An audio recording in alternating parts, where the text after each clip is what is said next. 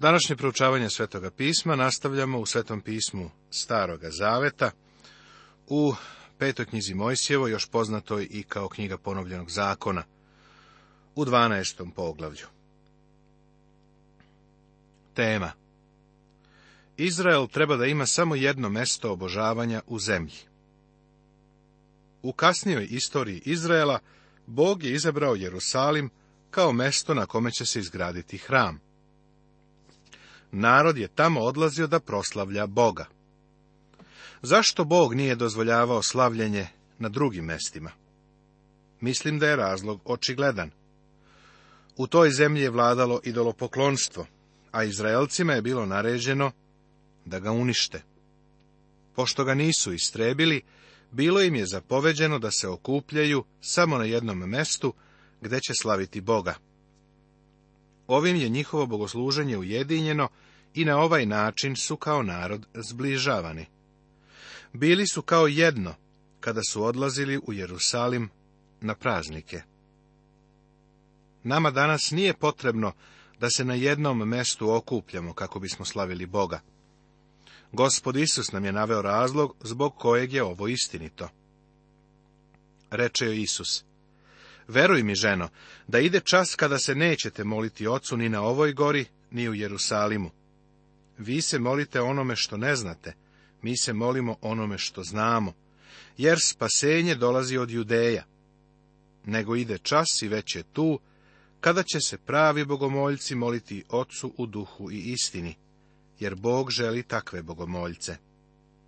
Bog je duh i koji mu se mole, treba da se mole u duhu i istini, kaže Evanđelje po Jovanu u četvrtom poglavlju. Vernici se danas ne okupljaju na jednom mestu kako bi slavili Boga. Mi se okupljamo oko jedne osobe, a to je Gospod Isus Hristos. Važno je da ovo imamo na umu. Nije bitno kako se zove tvoja crkva. Denominacija ili nedostatak denominacije tvoje crkve ništa ne znači. Jedino važno je ovo pitanje, da li se okupljate oko Isusa Hrista, pa prijatelju, ako to ne činite, onda je to idolopoklonstvo, jer se u tom slučaju okupljate oko nečega što zamenjuje Hrista. Ako se okupljate da biste se družili ili zabavljali, to je idolopoklonstvo. Ono što treba da nas zbližava jeste jedinstvo u osobi Isusa Hrista. To je tako važno. Samo jedno mesto u zemlji za obožavanje. Ovo su uredbe i zakoni koje ćete držati i tvoriti u zemlji koju ti je gospod Bog otaca tvojih dao da je naslediš, dokle ste god živi na zemlji. Raskopajte sasvim sva mesta u kojima su služili bogovima svojim narodi, koje ćete naslediti, po visokim brdima i po humovima i pod svakim zelenim drvetom. Oborite oltare njihove i razbijte likove njihove i lugove njihove popalite ognjem, a rezane bogove njihove izlomite i istrebite ime njihovo iz onoga mesta. Ne činite tako gospodu, Bogu svojemu. Razlog zbog kojeg je u doba sudija jedan za drugim sud Božiji dolazio na Izrael jeste činjenica da su se ljudi odali u idolopoklonstvo. Onda je prorok Ilija podigao svoju ruku protiv idolopoklonstva u zemlji. Izrael je baš zbog ovog greha odveden u Vavilon, u ropstvo. Upozorenje u posljednjoj knjizi Staroga Zaveta odnosi se na opasnost od idolopoklonstva. Ne treba misliti da smo mi ni danas otporni na idolopoklonstvo. Skloni smo tome da mislimo da smo tako prosvetljeni narod, da svakako nećemo pasti, i početi da obožavamo nekog idola. Možemo li biti sigurni u to, prijatelju? Sve, baš sve što se ispreči između Boga i naše duše, postaje idol. Poznajem jednog mladića koga sam posmatrao kako raste u crkvi. Delovalo je da je postao fini hrišćanin. Kasnije se zaposlio u jednom velikom preduzeću. Pošto je imao divne sposobnosti, počeo je da napreduje u toj organizaciji a što je više tu napredovao, više se udaljavao od Boga. Danas mu je posao na prvom mestu. Održavao sam sastanke u mestu u kome on živi.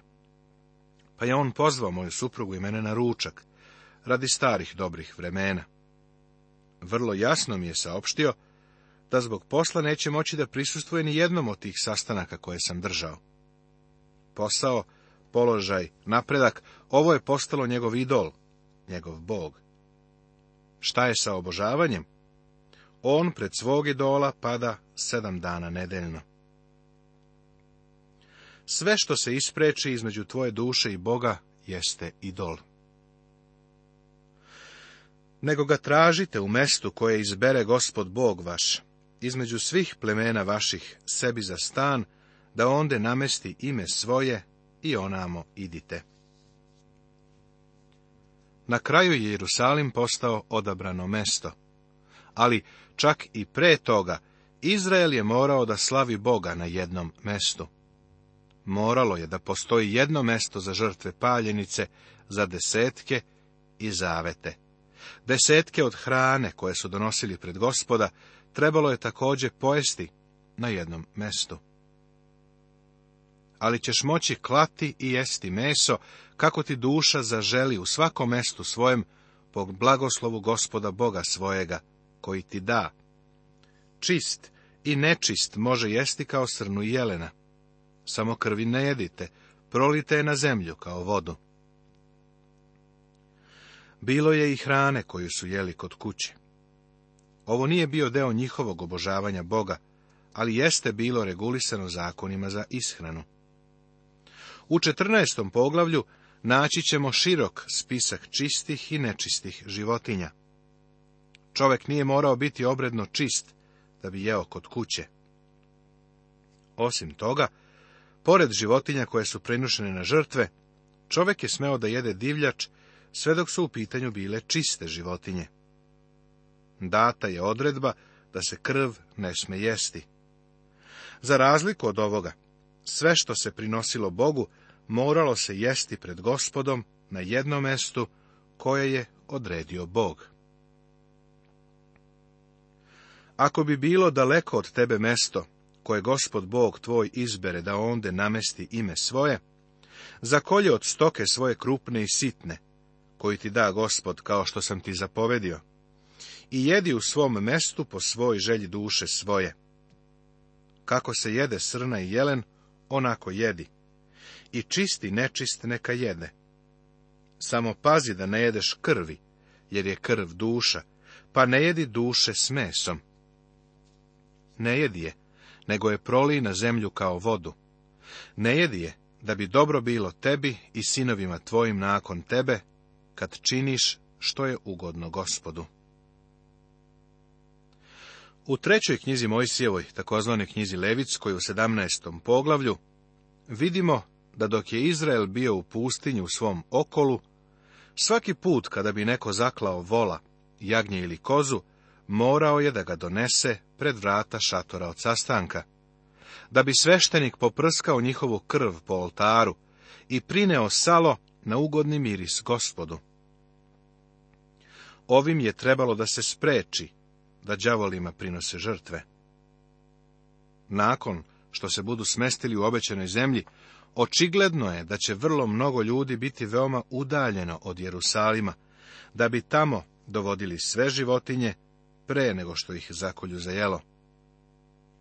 Zato im gospod ponovo govori da životinju mogu ubiti radi jela, ali njenu krv ne smeju jesti. Krv predstavlja život, pa iz tog razloga sveto pismo takav naglasak stavlja na krv Isusa Hrista. Kad istrebi gospod Bog tvoj ispred tebe narode, ka kojima ideš da naslediš zemlju njihovu, i nasledivši je kad se nastaniš u zemlji njihovoj. Čuvaj se da se ne uhvatiš u zamku, pošavši za njima, pošto se potru ispred tebe, i da ne potražiš bogova njihovih, i rečeš, kako su ovi narodi služili svojim bogovima, tako ću i ja činiti. Ne čini tako gospodu Bogu svojemu, jer oni činiše svojim bogovima sve što je gadno pred gospodom i na što on mrzi, jer su i sinove svoje i kćeri svoje sažizali bogovima svojim. Izraelcima je stalno ponavljano da treba da istrebe narode koji su bili u toj zemlji, da ne bi uhvatili njihovu zamku. Ovi narodi su bili idolopoklonici, obožavajući vala, kao i u obožavanju mnogih paganskih religija, imali su onu najokrutniju praksu prinošenja sopstvene dece. Užarili bi idola, a onda bebe bacali u njihovo naručje. Ne postoji ništa užasnije od ovoga. Bog kaže da mrzi ovo to mu je odvratno. Uviđam da Bog mrzi mnoge stvari koje mrzim i ja. Nadam se da ću sve više i više mrzeti ono što On mrzi i voleti ono što On voli. Što vam god ja zapovedam, sve držite i tvorite, niti što dodajte k tome, ni oduzmite od toga. Narod je morao da poštuje ove zapovesti koje im je gospod dao. Ako budu neposlušni Bogu, Bog će sa njima postupati kao što postupa sa drugim narodima. Bog ne pravi razliku među ljudima u tom smislu da postupke nekih posmatra, a da se na postupke drugih ne obazire. Nikada nisam razumeo zašto neki hrišćani misle da mogu da se izvuku sa stvarima sa kojima se drugi ljudi nisu izvukli. Greh je greh.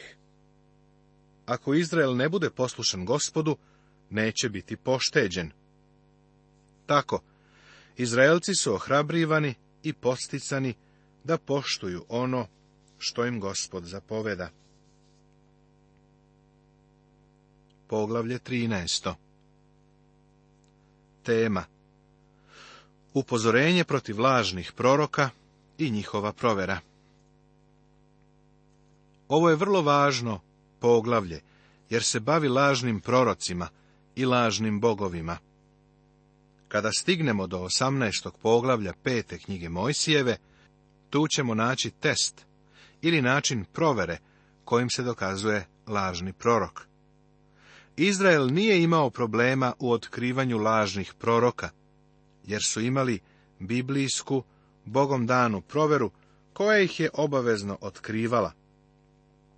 Međutim, poglavlje koje je pred nama bavi se postupcima koje treba preduzeti protiv svakoga ko je pokušavao da Boži narod odvede i udalji od Boga upoznajući ga sa lažnim religijama.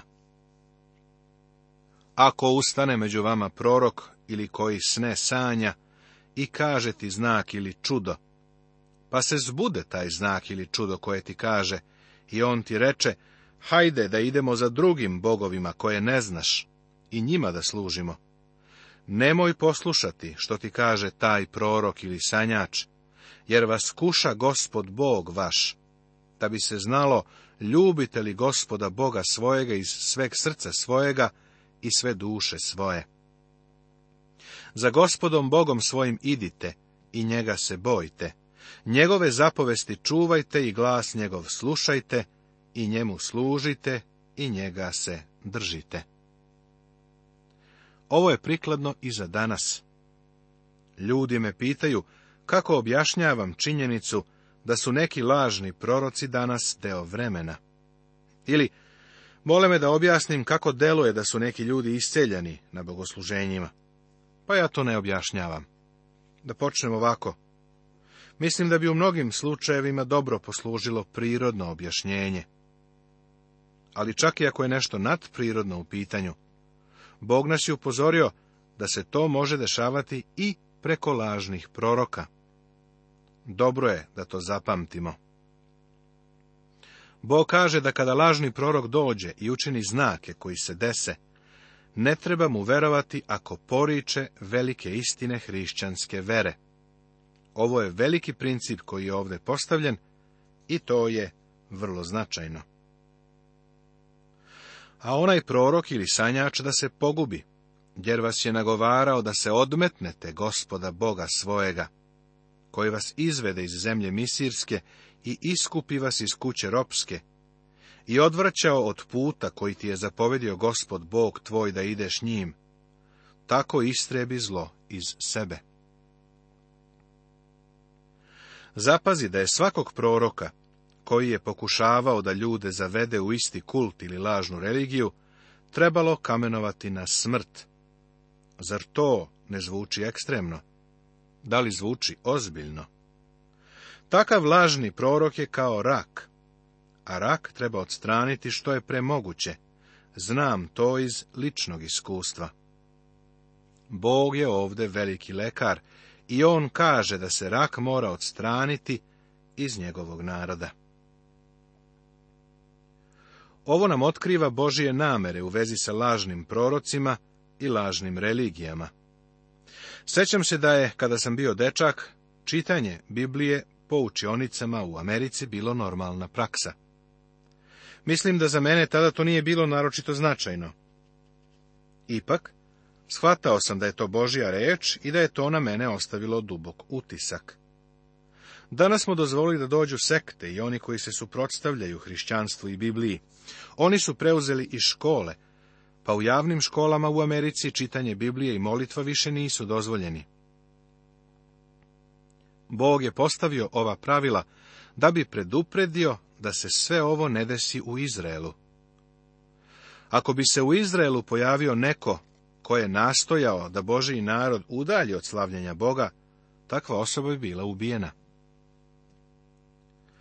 Neki pretjerano osjećajni i prigrupi ljudi uvek će smatrati da je ovakav postupak bio ekstreman. Bog je znao kako bi bilo užasno ako bi se dozvolilo da se lažni proroci umnožavaju i Izraelce zavode u idolopoklonstvo. Istorija nam pokazuje da Izrael nije poslušao Boga i da je dozvolio da se sve ovo dogodi. Ako želiš da znaš koliko je to bilo loše za Boži narod u to vreme, pročitaj priču o Ahavu, koji je Boži narod zaveo u idolopoklonstvo. Ovo je na njih navuklo Božiji sud, pa je konačno Severno carstvo bilo porobljeno. Tako je to bilo ozbiljno. Ako bi te podbadao brat tvoj, sin matere tvoje, ili sin tvoj, ili kći tvoja, ili žena tvoja mila, ili prijatelj tvoj koji ti je kao duša tvoja govoreći ti tajno, hajde da služimo drugim bogovima, kojih nisi znao ni ti, ni oci tvoji, između bogova drugih naroda koji su oko vas, blizu ili daleko od tebe, od jednoga kraja zemlje do drugoga, ne pristaj s njim, niti ga poslušaj. Neka ga ne žali oko tvoje i nemoj mu se smilovati, niti ga taji, nego ga ubi. Tvoja ruka nek se prva digne na nj, da ga ubiješ, pa onda ruka svega naroda. Ovo je ekstremno. Radikalno je. Ovo zvuči kao strani jezik mekanom imućnom društvu u kome danas živimo. Vrlo je ozbiljno za jednog čoveka da prvi baci kamen pri kamenovanju svoga brata. Ovo nam deluje okrutno, ali u krajnjem ishodu je spasavalo mnoge živote. Kada je Severno carstvo zastranilo u poklonstvo, šta se desilo? Doslovno su hiljade ljudi bile pobijene, a mnogi preživeli su odvedeni kao roblje, u okrutni asirski narod. Zar ne bi bilo bolje da su na smrt kamenovali lažne proroke, koji su ih zavodili u idolopoklonstvo, umjesto što su bivala pogubljena mnoštva ljudi? Ovo isto vidimo i u našem američkom narodu danas. Imamo tako mnogo saosećajnih i priglupih sudija, koji nemaju nikakvo hrišćansko poreklo. Oni o američkim zakonima ne razmišljaju u hrišćanskom kontekstu u kome su izvorno bili formulisani, odnosno o tome da se zakon mora poštovati, a da se za neposlušnost zakonu sprovodi kazna. Naše sudije oslobađaju kriminalce da ponovo poharaju društvo. Baš ovdje u mom gradu jedan poznati kriminalac je u toku jedne noći napao sedam žena. Neke su bile ubijene, jedna je bila silovana, druge su sa ozbiljnim povredama smeštene u bolnicu. Zar ne bi bilo mudrije da je kriminalac prethodno kažnjen najtežom kaznom, nego da opet nedoža narod gine? Boži put je put kojim se spasavaju životi i štite posedi ljudi. Plašim se da smo postali tako kratkovidi, da nam smrtna kazna danas zvuči suviše teško zaspi ga kamenjem da pogine. Jer te šćaše odvratiti od gospoda Boga tvojega, koji te je izveo iz zemlje Misirske, iz kuće ropske. Bog zahteva smrtnu kaznu. Danas smrtnu kaznu smatramo necivilizovanom. Pretpostavljam da ljudi koji tako misle i Boga smatraju necivilizovanim. Te ljude bih želeo da pitam, odakle im to malo civilizacije i to malo kulture koje imaju? Sve to, prijatelju, potiče iz Božje reči. Nastavit će se.